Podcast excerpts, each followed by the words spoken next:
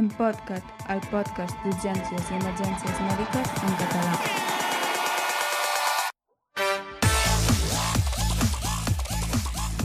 Benvingudes a l'Empodcat, el podcast d'urgències i emergències mèdiques en català. En aquest costat de la línia, jo mateix, l'Albert Oms, arroba emermetpirineus a Twitter eh, i també a mastodon.cat, l'autor també del blog emermetpirineus.cat, actualment infermer al Servei d'Urgències i Emergències de l'Hospital de Cerdanya. I a l'altre costat de la línia hi tenim en Xavi Basurto. Bon dia, Xavi. Hola, bon dia. Uh, un nou episodi aquí uh, del podcast i sí, us saludo des de Figueres, a los que, on treballo, que és l'Hospital de Figueres, a Urgències i a la Golf 606, a l'Avançada. I des del blog d'Urgem, urgem.cat, eh, també és on anem publicant totes coses interessants que anem trobant i a Twitter també ens podeu trobar a urgemcat.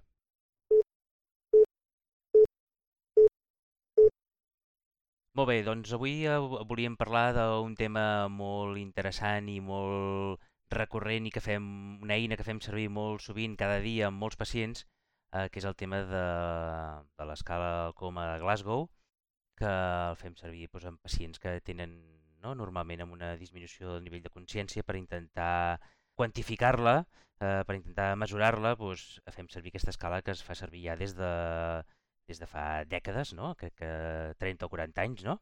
I bueno, l'Oberta va fer una revisió, no? una, eh, arrel d'una sèrie de modificacions i actualitzacions que s'han fet els mateixos autors originals d'aquesta escala, eh, l'han anat modificant i actualitzant i l'Obert en un apunt del seu blog doncs, eh, ho va intentar-ho recollir i és el que preteníem ara en el podcast, eh, intentar explicar-ho de viva veu, pues, aquestes la, les, no, les novetats, o que ja no són tan novetats perquè ja fa anys que estan ja estan publicades, però almenys intentar repassar com hauríem d'aplicar correctament aquesta escala perquè no hi hagi tanta variabilitat no? entre els professionals que anem passant aquesta escala amb un mateix pacient doncs per intentar-ho fer-ho millor i això és el que pretenem en aquest podcast, en el podcast principal, doncs és explicar una miqueta com passar correctament l'escala coma de Glasgow. Doncs com vulguis, Albert, si vols eh, començar-nos a explicar una miqueta el que vas recollint al sí. teu blog. A veure, aquí m'agradaria fer una miqueta de context de per què vaig fer aquesta, aquesta entrada. Ja fa bastants anys, fa bastants estius, vam tenir un, un dia d'aquests merdosos de 300.000 individus arribant a la porta d'urgències i no, no sabem posar-los i de més. I afegit aquí, eh, afegit això, ens va portar, bueno, els pompiers ens van portar una senyora, una ramadera, que la, una vaca li havia fotut una empenta i l'havia llançat l'havia projectat varis metres endavant. No? I, bueno, aquelles coses que passen, el triatge que vaig fer va ser bastant merdós i em va costar veure on m'havia equivocat com podia ser que una persona que aparentava gravetat, eh, parèntesi, eh, si a les hores de treballar al camp ve un ramader un agricultor, és d'UCI. No saps per què, però és d'UCI. Eh, bueno, tornant, bueno, vaig, vaig estar molt temps donant-li voltes a què hagués pogut fer millor en aquest triatge. Més endavant, l'Ester Gorjón, arroba Ani, que és una infermera del, em sembla que és del SAMU de Madrid, va publicar en el seu blog que s'havia actualitzat l'escala de coma de Glasgow i ell havia fet la traducció eh, de la fulla d'ajuda, que després veurem, l'havia fet al castellà. Jo m'ho vaig llegir i llegint això i llegint-me la fulla d'ajuda vaig entendre unes quantes coses que suposo que aniran sortint avui. També vaig traduir aquesta fulla d'ajuda, que la, la, la que podeu trobar, la que parlarem després, i bueno, aquí vaig començar a lligar caps de què, què, què no vaig fer bé aquell dia. Llavors, clar, això, quan una cosa l'aprens perquè no l'has fet bé, s'aprèn més bé. Vinga, de l'escala de coma de Glasgow, bueno, tots ho sabem, és una eina de valoració del nivell de consciència. Fins aquí molt bé. Passa que què és consciència? La definició de consciència ja és confusa per ella mateixa, doncs imagineu que fer una escala per mesurar una cosa confusa, doncs molt, molt precís tampoc pot ser. Aquesta escala la llença l'any 74, és a dir, fa més de 40 anys, ara ja són 47, no? Sí? sí 47. 47 sí. anys. Un tal senyor Teasdale i un tal senyor Genet. Um, aquesta escala la van fer perquè abans d'això encara era més confús l'hora de valorar el nivell de consciència. Es feien servir adjectius i cadascú podia entendre per aquest adjectiu el que volgués. I això era un merder. Que van proposar ells eh, era un... Re... pretenien fer un registre que fos replicable. El que sí que tenien clar ells és que no, en, el, en el seu inici no es puntuava de cap manera. És a dir, simplement es descrivia, era una escala descriptiva. I també a l'inici, com veurem després, hi ha una de les coses a valorar en l'avaluació motora no hi era i eh, es va afegir després. La flexió normal, aquesta la posició de decorticació, eh, no la van afegir perquè consideraven que era molt difícil discernir la decorticació de la descerebració i no la van voler afegir. Però com que això tenia implicacions a nivell de pronòstic, doncs la van afegir després. Una, pre una pregunta, Albert. Digue'm, digue'm. Uh, et sona si això ho van fer-ho ja amb, amb finalitats uh, així de recerca per, per fer registres de pacient o era purament clínica per, per utilitzar-ho a la pràctica clínica, això? Pel que he llegit de, pel que he llegit de l'article original i el de revisió i alguna cosa més, era pretenia ser clínic. I, de fet, eh, si, com a anècdota, Val. ells desmenteixen en un altre article que això de que l'escala de coma de Glasgow es va inventar en un pub de Glasgow. No, o sigui, el de Glasgow ve perquè els, aquests autors treballaven a un hospital de Glasgow, no recordo el nom, eh, i que no s'ho van inventar en un pub. Això són les coses. Bé, tornant a això, el, el de l'èxit de l'escala comença a ser exitosa perquè, com que ells això ho proposen com un registre per infermeria, i de fet en l'article original, que jo també, el, si aneu al blog veureu la imatge, hi ha una gràfica d'infermeria d'aquelles antigues, antigues, antigues, sabeu? D'aquelles que anàvem fent, anàvem posant un punt i anàvem ajuntant amb ratlletes la mesura, no?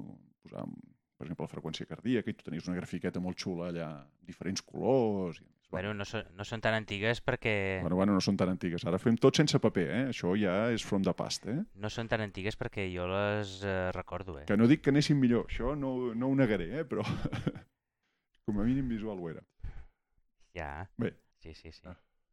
Doncs això, van fer la grafiqueta aquesta, que això va tenir bastant èxit, i després, sobretot, penso jo que s'ha fet servir molt perquè s'ha anat afegint eh, diferents certificacions, doncs l'HTLS, per exemple, el suport vital avançat en trauma, i després s'ha anat afegint a posteriori amb altres escales, per exemple l'Apache 2, per, eh, per determinar el nivell de gravetat, s'ha considerat el Glasgow. Llavors, clar, el Glasgow ha guanyat aquí aquesta mena d'estàndard de valoració del nivell de consciència. És cert que quan ells s'ho van inventar, eh, els autors treballaven a, en un servei de neurocirurgia i sempre s'ha dit que això és per valorar el, el nivell de consciència en els traumatismes cranioencefàlics. I, I originalment era així, però ja s'ha estès a tot arreu. L'escala original era només per adults, l'any 82 crec que van publicar una versió per població pediàtrica que hauríem d'aplicar als menors de 6 anys. Representa que a partir de 6 anys en endavant doncs, la mateixa escala d'adults en seria útil. Veig també que bueno, ara la fem servir, això de l'estàndard es fa servir 80 països, traduïda a 60 idiomes. Eh? Pas mal. Bueno, fins aquí la història. No? El 2014, 40 anys després de la publicació original, un dels autors, el Tisdale, que encara estava viu en aquell moment, van publicar una revisió dels 40 anys. Aquí és interessant aquesta revisió perquè, com que ja han passat 40 anys, s'han publicat moltes coses després, ells modifiquen algunes coses que creuen que poden millorar, eh, identifiquen on hem fet servir malament l'escala o diferent del que ells havien pretès inicialment, també, que és molt interessant, publiquen una pàgina web, eh, glasgowcomascale.org, i fan moltes recomanacions de com fer l'ús correctament. No? De fet, fan una modificació a eh, la descripció de les respostes, o més que la descripció de les respostes, eh, a les preguntes a fer i a com valorar l'escala de Glasgow, que canvien una miqueta com ho fèiem abans. Si us sembla, ara mirem com s'ha de fer-lo a l'escala, com hem de mesurar aquesta escala de coma de Glasgow.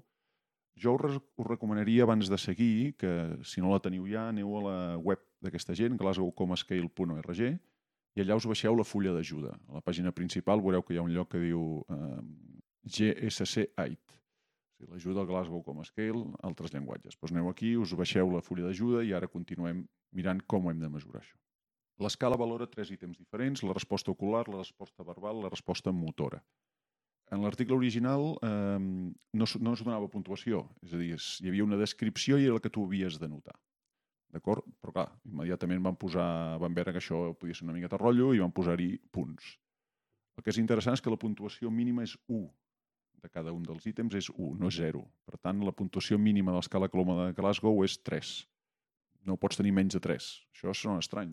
Suposo que si ho haguéssim fet avui en dia li haguéssim posat un 0 perquè tinguéssim clar que 0 és fatal, no? Però bueno, en aquell moment hi van posar-hi 1.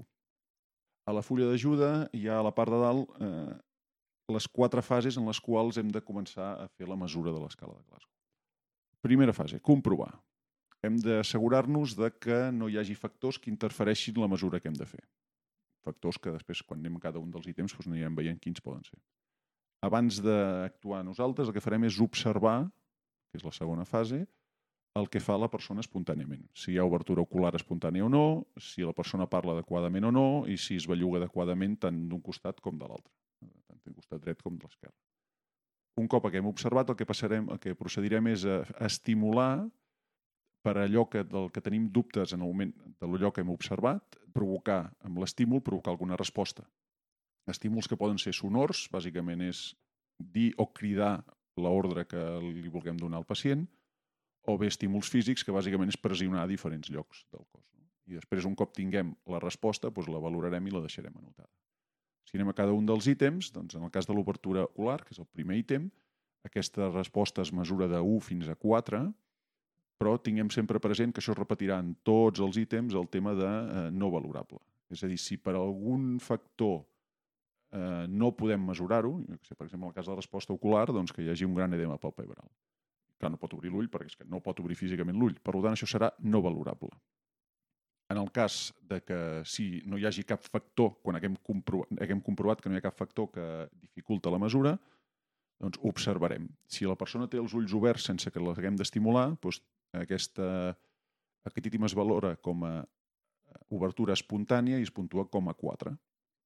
Si li hem de dir que obri els ulls, si l'hem d'avisar i dir obre els ulls, obre els ulls, tal, doncs això serà una resposta amb obertura al so, es puntuarà com a 3. Si li hem de pressionar, i en aquest cas ells ja, una de les coses que fan ara és descriure molt bé com hem de fer aquesta pressió, abans això no hi deien el dolor, han decidit canviar-ho per la pressió. Ells, per de cara a l'obertura de l'ull, el que et demanen de fer és agafar un bolígraf o qualsevol cosa cilíndrica i apretar-la contra l'ungla. I no apretar-ho directament amb, la, amb el teu dit contra l'ungla, sinó apretar el, bolígraf o qualsevol altra cosa contra l'ungla. Això, si ho proveu, veureu que realment, hòstia, apreta, eh? Si la persona obre els ulls quan la pressionem així, doncs això es considerarà una obertura a la pressió, es puntuarà com a 2. I si a pesar d'aquesta pressió que fem no els obre, doncs considerarem que no hi ha resposta i es valorarà com a 1. A la fulla d'ajuda, a la part de baix, veureu que hi ha eh, dibuixats com hem de fer les estimulacions físiques, eh, aquesta tercera fase del, de la valoració, com hem de fer aquestes estimulacions físiques per obtenir la resposta. Fins anem a la resposta verbal. Aquí és interessant. Li hem de demanar el seu nom, el lloc on és... Sí, una pregunta, Digue'm. Albert. Uh, el, el, posa que, que quan en la part de, de, de l'ajuda, del full aquest d'ajuda, posa estimula, posa no, um, una pressió al dit o al trapeci o al supraorbitari. Quan fem, la quan fem la valoració ocular, de l'obertura ocular, només es fa uh, apretant el dit o també podem fer servir el supraorbitari o apretar el trapeci? Ells diuen de fer servir només la punta de dit, d'apretar només l'ungla, en aquest cas. Val. Val. Val, val. O sigui que les altres, el del trapeci, això ho deus, o millor ho pots fer servir quan uh, la resposta motora o, o entenc què? Quan... Sí, sí, s'ha de fer servir la resposta motora. Val. El que sí que jo entenc és que si, no, si imaginem, per exemple, que tenim un... El nostre pacient resulta que no té sensibilitat a, de... Bueno, anava a dir de, de, de fer... Si no té sensibilitat a la mà, és de fer molt amunt, d'una cervical sí. molt amunt que ha perdut la sensibilitat. Eh, és, en el moment que apretes el trapez i de més, seria, perquè això seria només pels, pels medulars d'una miqueta més avall, perquè la sensibilitat del dit també el trapezi també jo crec que deu ser una miqueta més avall i tot, o sigui que no, no aplicaria gaire aquí. Sí. O sigui, em refereixo de que si obres els ulls Val, quan que no.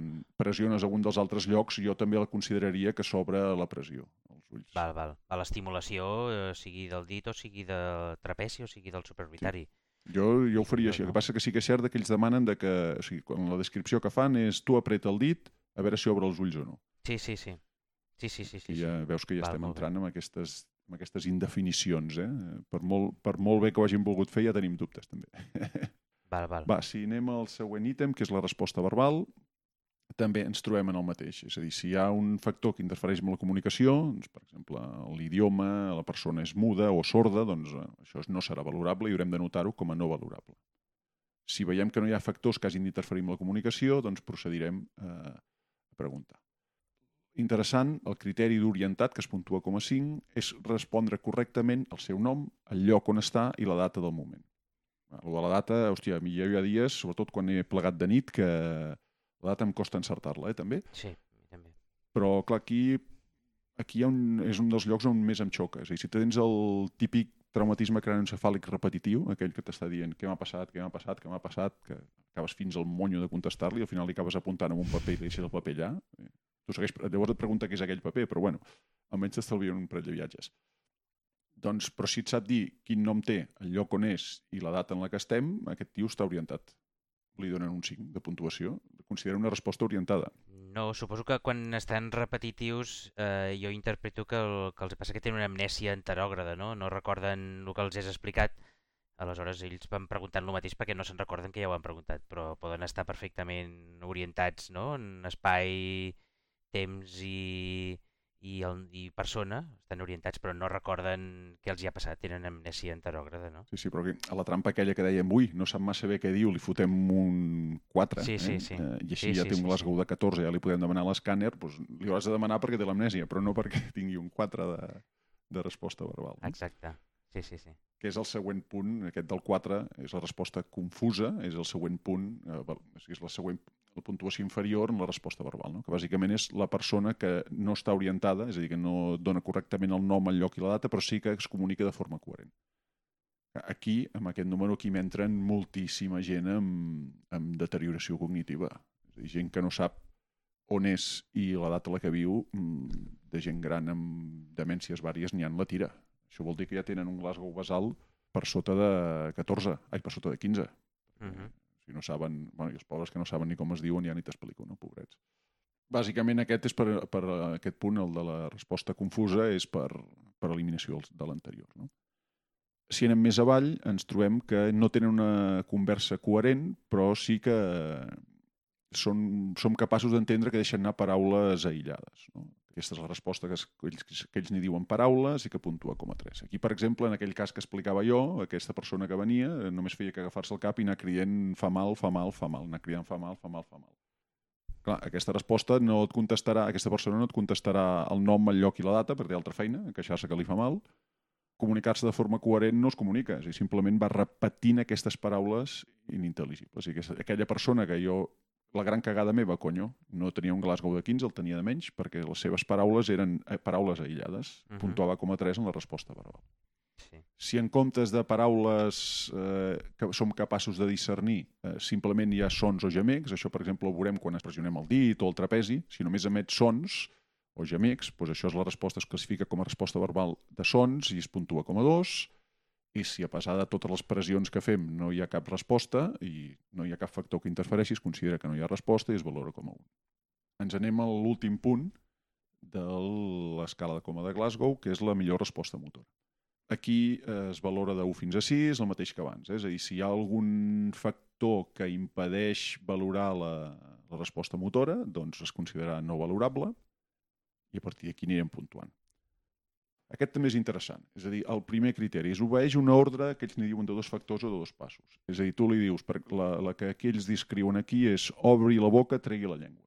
Si la persona obre la boca i treu la llengua, és a dir, fa les, l'ordre aquesta de dos passos, un darrere l'altre, es considera que obeeix les ordres i es puntua com a 6.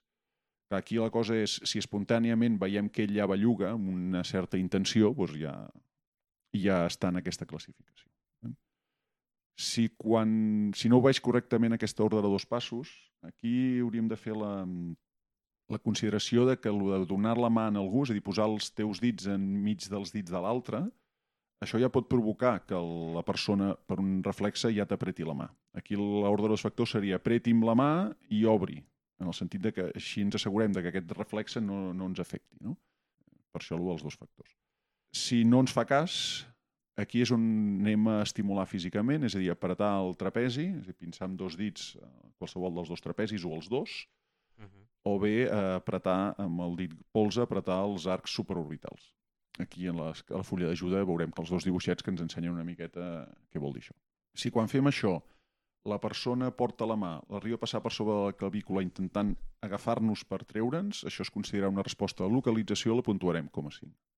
Si comença a doblegar el braç però no arriba a superar la clavícula, i veiem que aquest moviment té una forma que anomenarem normal, perquè després la normal l'explicarem després, es considera que això és flexió normal i puntua com a 4.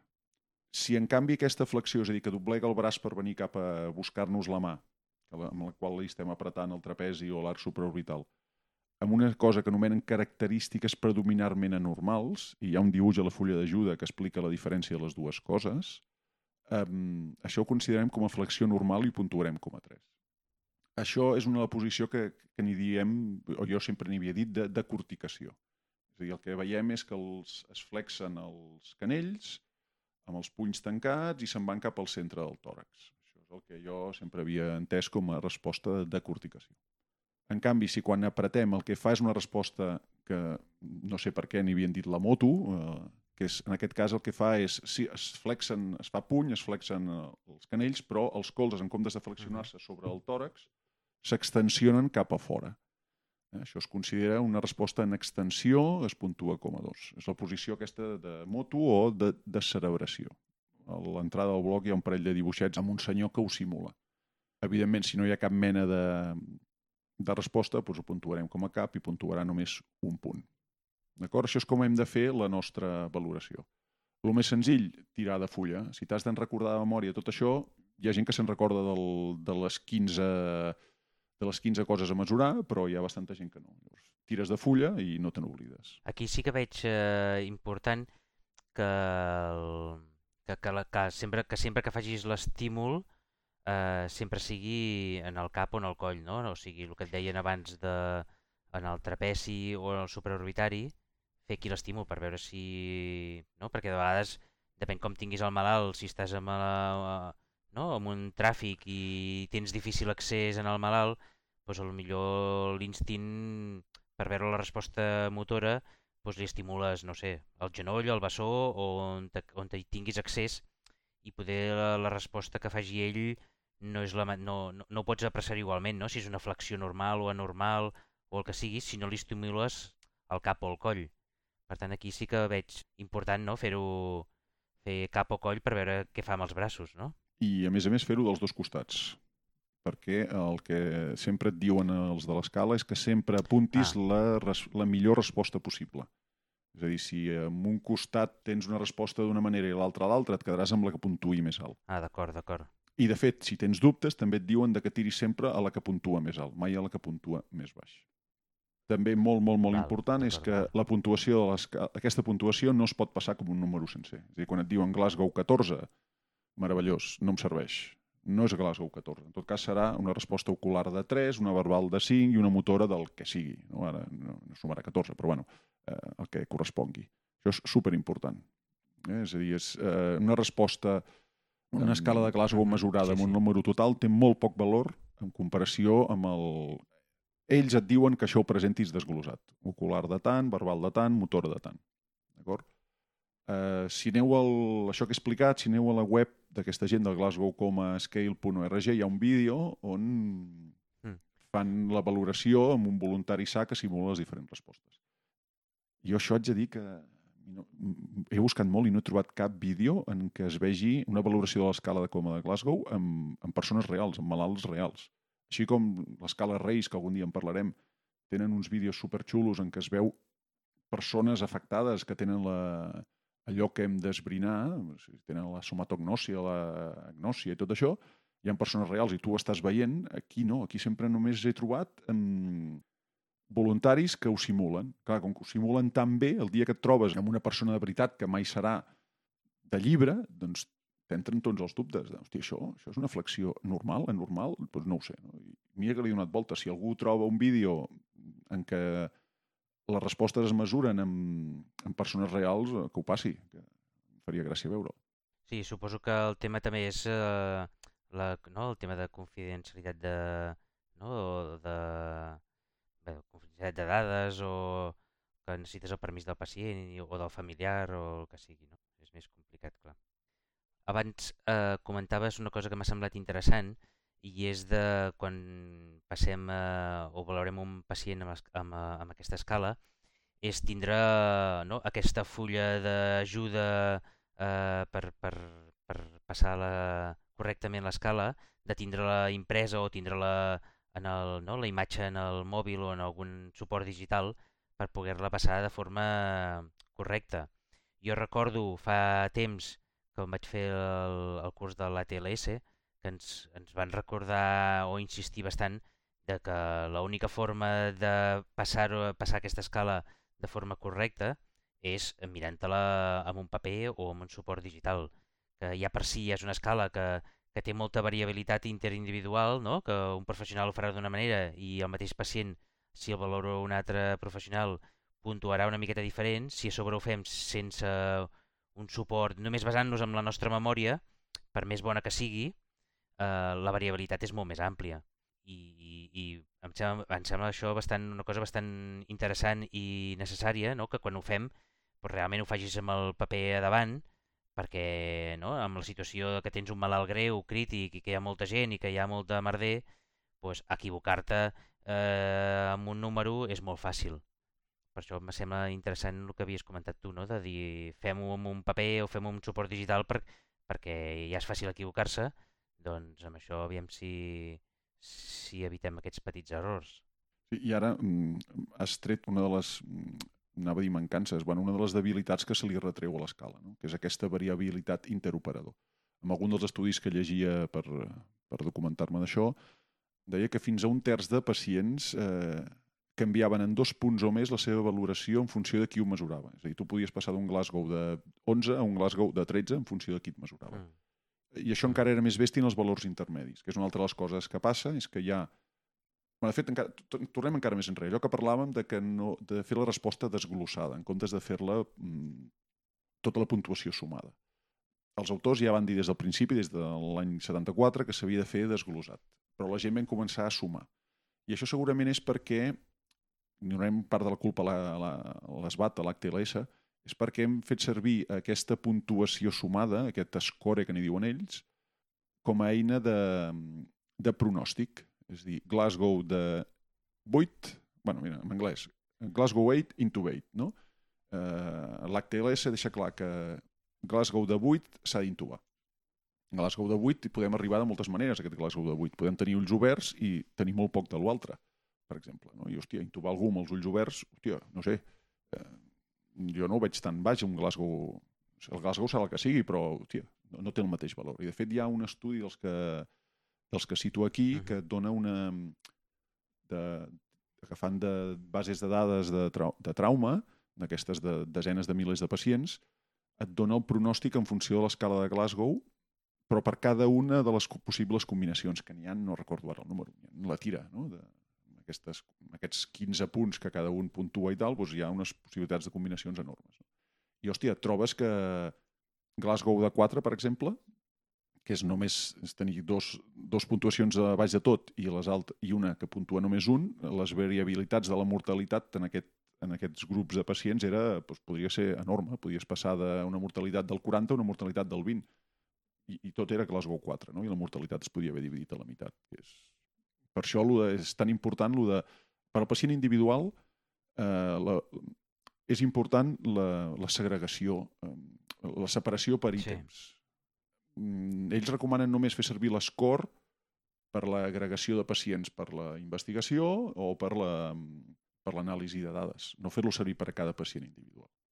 El que deia també d'això de l'HTLS, no? del Glasgow 8 into 8 és un axioma, és eh, Glasgow per sota de 9, per assegurar que el 8, eh, 8 també, eh, s'ha d'intubar. Glasgow per sota de 9 s'ha d'intubar. Bueno, això s'ha eh, cregut així perquè s'ha dit així perquè es creia que per sota d'aquest 9, eh, de 8 o menys, eh, havies perdut el reflex de, de deglució i, per tant, el risc de broncoaspiració era més alt i com que el risc de broncoaspiració era més alt i hi havia molt, i broncoaspirar-se és molt dolent i de més, doncs s'havia d'intubar per protegir la via aèria. Això, pensant sempre amb el TC, eh, amb el traumatisme cranoencefàlic. Clar, tornem al mateix. No és el mateix un buit d'una manera que un buit d'una altra.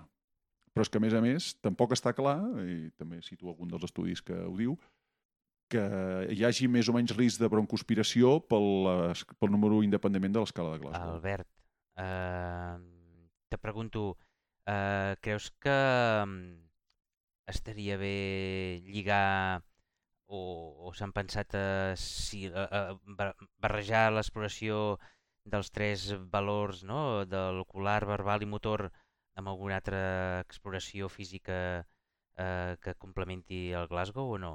Per exemple, amb les pupil·les o, jo sé, o l'atenció o, o el que sigui. Mira, això aquesta és bona també. Eh, una altra de les queixes, una altra de les crítiques que se li ha fet a l'escala és que, a part d'aquesta variabilitat interoperador i de més, és que no contemplava coses parts d'altres coses en l'avaluació neurològica que eren importants. Per exemple, la reactivitat pupil·lar. Tampoc la presència de reflexos, tampoc la mesura. No? Justament això que preguntes, jo també pensava, home, aquí això, aquests del Glasgow, què passa? Doncs resulta que quan, quan mirava això, això ja és posterior a la revisió dels 40 anys, eh, aquests senyors del Glasgow Coma Scale han creat una millora de l'escala que n'hi diuen Glasgow Coma Scale Pupils Score. És a dir, tu agafes el teu número global del Glasgow, aquell que no havíem de sumar, sinó que havíem de passar desglosat, i en funció de, les, de com tinguis les pupil·les, li restes punts. És a dir, ells ja pretenen eh, afegir això en la seva escala. Que em fot gràcies que ho afegeixin sobre allò que han dit que no podíem fer, que és de sumar els, els valors eh, unitaris de cada una de les coses, no? de, de cada un dels ítems mesurar. Bueno, va fer gràcia. Eh, no m'ho he estudiat molt, mm. Bé, pràcticament gens. Només vaig a veure i vaig pensar, oh, interessant, això tu hauràs de llegir. Bueno, doncs està a la llista de coses per llegir i estudiar des de fa, des de fa bastant temps. Suposo que ara que n'hem parlat haurà de ser una mena de deures, no? D'aquí uns quants podcasts, haurem de, d'aquí uns quants episodis haurem de veure si podem parlar d'això o, o no. I tu que vas revisar aquest tema fa temps, et dona la sensació de quan ho veus, veus, veus valorar un Glasgow a urgències eh, s'hauria de fer diferent o no? O sigui que realment es fa, entre cometes, malament o penses que, hi ha, que no hi ha molta diferència? Bueno, jo penso que d'entrada el Glasgow s'hauria de mesurar. És com la freqüència respiratòria. És dir, la freqüència respiratòria s'ha de mesurar. Bueno. Fer, agafar amb el polze Sí. i tapar-te un ull i dir 24 de freqüència respiratòria o tapar-te l'ull i dir Glasgow 13, eh, doncs això no és mesurar-ho. Això és fer una estimació grollera i estimacions grolleres en fem tots cada dia, però si has de donar el número l'has de mesurar. Això és més o menys el mateix, no? És a dir, la sensació que tinc és que el Glasgow l'engaltem grollerament. Fotem l'ull i diem, "Oh, Glasgow 12. Clar, el Glasgow 3 és relativament senzill, el Glasgow 15 és relativament senzill, Mm, són els dos extrems, eh? amb aquestes bases de dades. Hi ha molt Glasgow 15, la immensa majoria, bastants Glasgow 3, i després, curiosament, hi ha molts Glasgows 8, però de 9 o de 7 no n'hi ha tants, no? sospitós. Això fa pinta de que t'has fet venir el número 1 segons et convenia. És dir, que jo m'atreviria a dir que potser el que hauríem de fer és mesurar l'escala. Ja. I mesurar-la, doncs, si treus la fulla i fas eh, de forma sistemàtica, dius, a veure, vostè, com es diu, eh, on està i quina data és? I ara obri la boca i tregui la llengua. Doncs ja l'has feta, ja té un Glasgow 15, no? O, I i, i encara és més important quan no és 15. Encara és el d'agafar i dir, veure que, li, veure que li apreten alguns trapezis o que li apreten l'arc supraorbitari, per mi ara mateix això és molt, molt inusual. Val, val. I fins aquí el tema. Jo ja no tinc gran cosa més per explicar. Bueno, molt bé. I jo penso que si, aviam si fem una miqueta de repàs del tema, cadascú en la seva intimitat i després aviam si això ens serveix per eh, transmetre-ho també no, en, els, en els respectius serveis on treballem i aviam si a partir d'ara comencem a mesurar-ho bé i bueno, a mesurar-ho i a mesurar-ho bé. Què, anem als urgent mots? Va, jo per l'urgent mot d'aquest episodi en tinc un que hem fet molta cagarela amb algú altre a Twitter. És una paraula que segur que tots coneixeu i que en català tothom fa servir cada dia, que és la sufraja. De fet, eh, hi ha algú que deien per internet eh, aviam qui serà el primer que li passarà al centre coordinador de, del SEM una lesió a la sufraja de la cama, per exemple crec que riuríem bastant. Bé, la, sufràgia és el, diguéssim, l'espai eh, dins l'anatomia humana, l'espai en què em, es produeix la flexió. És a dir, la sufràgia del braç, per exemple, és el, el buit que ens queda entre el bíceps i la, i la musculatura de l'avantbraç quan pleguem. La flexura, eh, que les infermeres apuntem sempre que punxem les vies a la flexura de l'extremitat superior, doncs això és la sufràgia. En el cas del genoll, clar, és la part de darrere del genoll, perquè és el que quan flexiones crees el buit aquest. De tant en tant faig alguna pirula a la feina i poso les vies, en comptes de posar-les a la flexura, les poso a la sufràgia. Encara ningú m'ha dit res. A veure si algun dia algú pregunta on és això. Esperem. I quines tens tu, Xavi? Bé, jo només volia comentar, hi ha una sèrie de bueno, petits eh, errors i que fem habitualment i és, em, per exemple, en, en, moltes, en molts mots que acaben amb, amb el sufix de oci o, per exemple, ici, de forma instintiva, no sé per què, eh, hi afegim sempre una S terminal.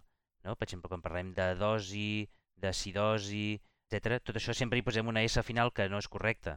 Val? Per tant, en singular hauríem de parlar d'una dosi, una acidosi, mononucleosi, jo què sé, uh, per exemple, diagnosi, necrosi, tuberculosi, val? I de forma instintiva sempre hi posem, o moltes vegades hi posem una S que no hi hauria de ser-hi. I el mateix ens, ens passa amb el sufix ICI. Vale? Anàlisis, eh, apòfisis, lisis, eh, diàlisis, tot això no hauria de portar una S al final. D'acord? I després, dels últims urgent mots que hem anat publicant a, en el Twitter i que tenim en el, en el diccionari que hi ha a la, a la, a la pàgina web del, del blog, bé, podríem petjar, per exemple, un, una, un error que fem molt habitualment és, per exemple, quan veiem una radiografia de tòrax i valorem eh, l'entrada i la sortida del paquet vascular eh, dins el pulmó, hauríem de parlar del IL, eh, en lloc de l'ILI o, o, o altres paraules que fem servir, la, el, el, el terme correcte seria IL, val? Amb, amb H i L, ja està. Per exemple, també fem molt freqüentment l'error de parlar de coses creuades. Vale? Per exemple, els lligaments creuats o les proves creuades. Això en català és, eh, el terme correcte és encreuat. Vale? Si parlem de que algú eh, que ve amb un dolor en el genoll, etc, eh, sospitem una lesió dels lligaments encreuats. D'acord? O quan hem de fer una transfusió de sang, etc, fem proves encreuades. D'acord?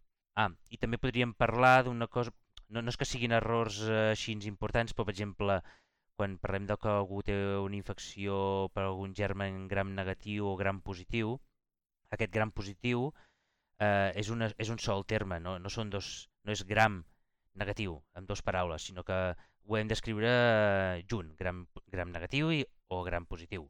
Eh, almenys en el term CAT i això ho especifiquen que ha de ser així, amb, una sola, amb un sol terme. Ja, N'hi ha alguns més, però bueno, ja els trobareu en el, en el diccionari, en el blog o en el Twitter, que els, podem, els podeu repassar tranquil·lament. Eh? De, la, la medula, la fòbia maxina la O, la granellada... Bé, hi ha una sèrie que els podeu anar repassant tranquil·lament. Molt bé, doncs què fem? Anem a les recomanacions ja? Jo per mi sí. Doncs va, de la meva recomanació per aquest episodi és un llibre de, de paper a més a més, un llibre, eh, a mi me'l va recomanar un company de feina i bueno, la veritat és que és un llibre em va agradar molt, però no és un llibre agradable de llegir, en el sentit de que no, no sortiràs, eh, no riuràs llegint aquest llibre, però penso que és un llibre que segurament s'hauria d'afegir eh, al currículum de, de les professions sanitàries. El llibre aquest es diu Being Mortal, o Ser Mortal.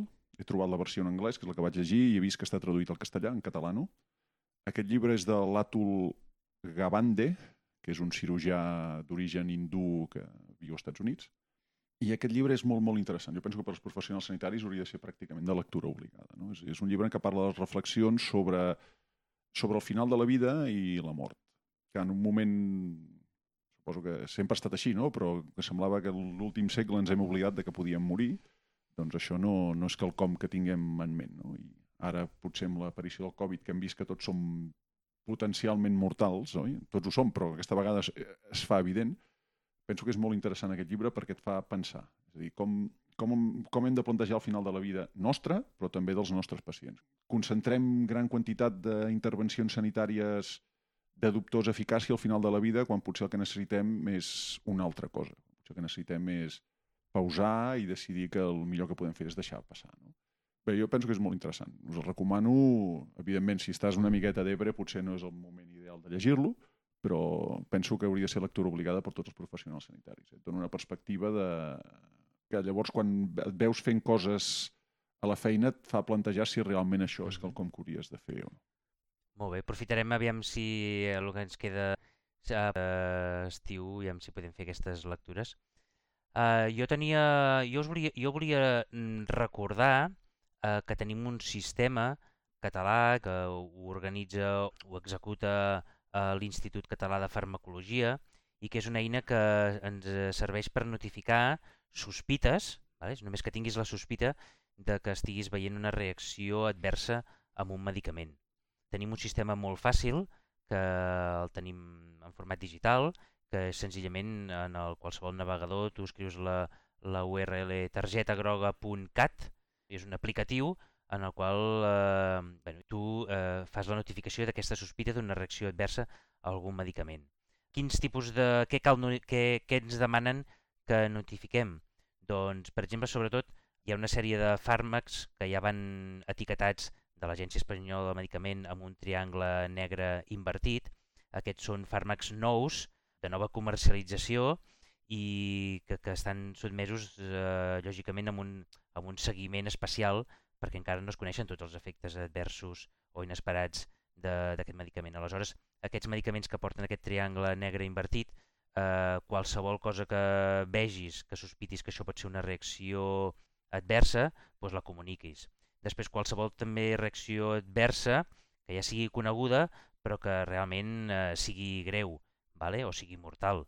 Pacients que, que per culpa d'aquesta reacció necessitin ingrés o allargui o s'allargui l'estada hospitalària o creï una discapacitat eh, permanent o irreversible, això també s'hauria de comunicar. O que sospitis que allò que estàs veient en aquell pacient és una reacció adversa a un medicament i que tu llegeixes el, la fitxa tècnica del, del medicament i no està descrita aquella reacció eh, adversa. Per tant, que pugui ser desconeguda o inesperada, doncs també recomanen que ho facis. Eh, ho pot fer-ho qualsevol professional sanitari, des de des del, no sé, des del metge que està visitant el pacient, la infermera, el farmacèutic... Bé, has de posar els... Sí que, sí que te demanaran que eh, posi ontòleg, si ets bueno, qualsevol altra professió sanitària, doncs has de posar noms, cognoms, identificar-te on te treballes, la població, etc. Ells de l'Institut Català de Farmacologia et garanteix que tota la informació que posis eh, serà confidencial, etc perquè també, has de, lògicament, també has de posar doncs, eh, noms, cognoms i identificar el, el pacient que, que, que ha sigut sospita d'aquesta reacció adversa. Has de posar el número d'història clínica, has de posar, eh, crec que has de posar també el, el CIP o alguna identificació d'aquestes. Ens recomanen que pel fet de desconèixer alguna d'aquestes dades del pacient no passa res, eh, que facis igualment la, la, la notificació si tens totes les dades perfectes, però que no no te privis de fer aquesta notificació perquè, no sé, no sàpigues el número d'història del pacient o el pes o la data exacta o el que sigui.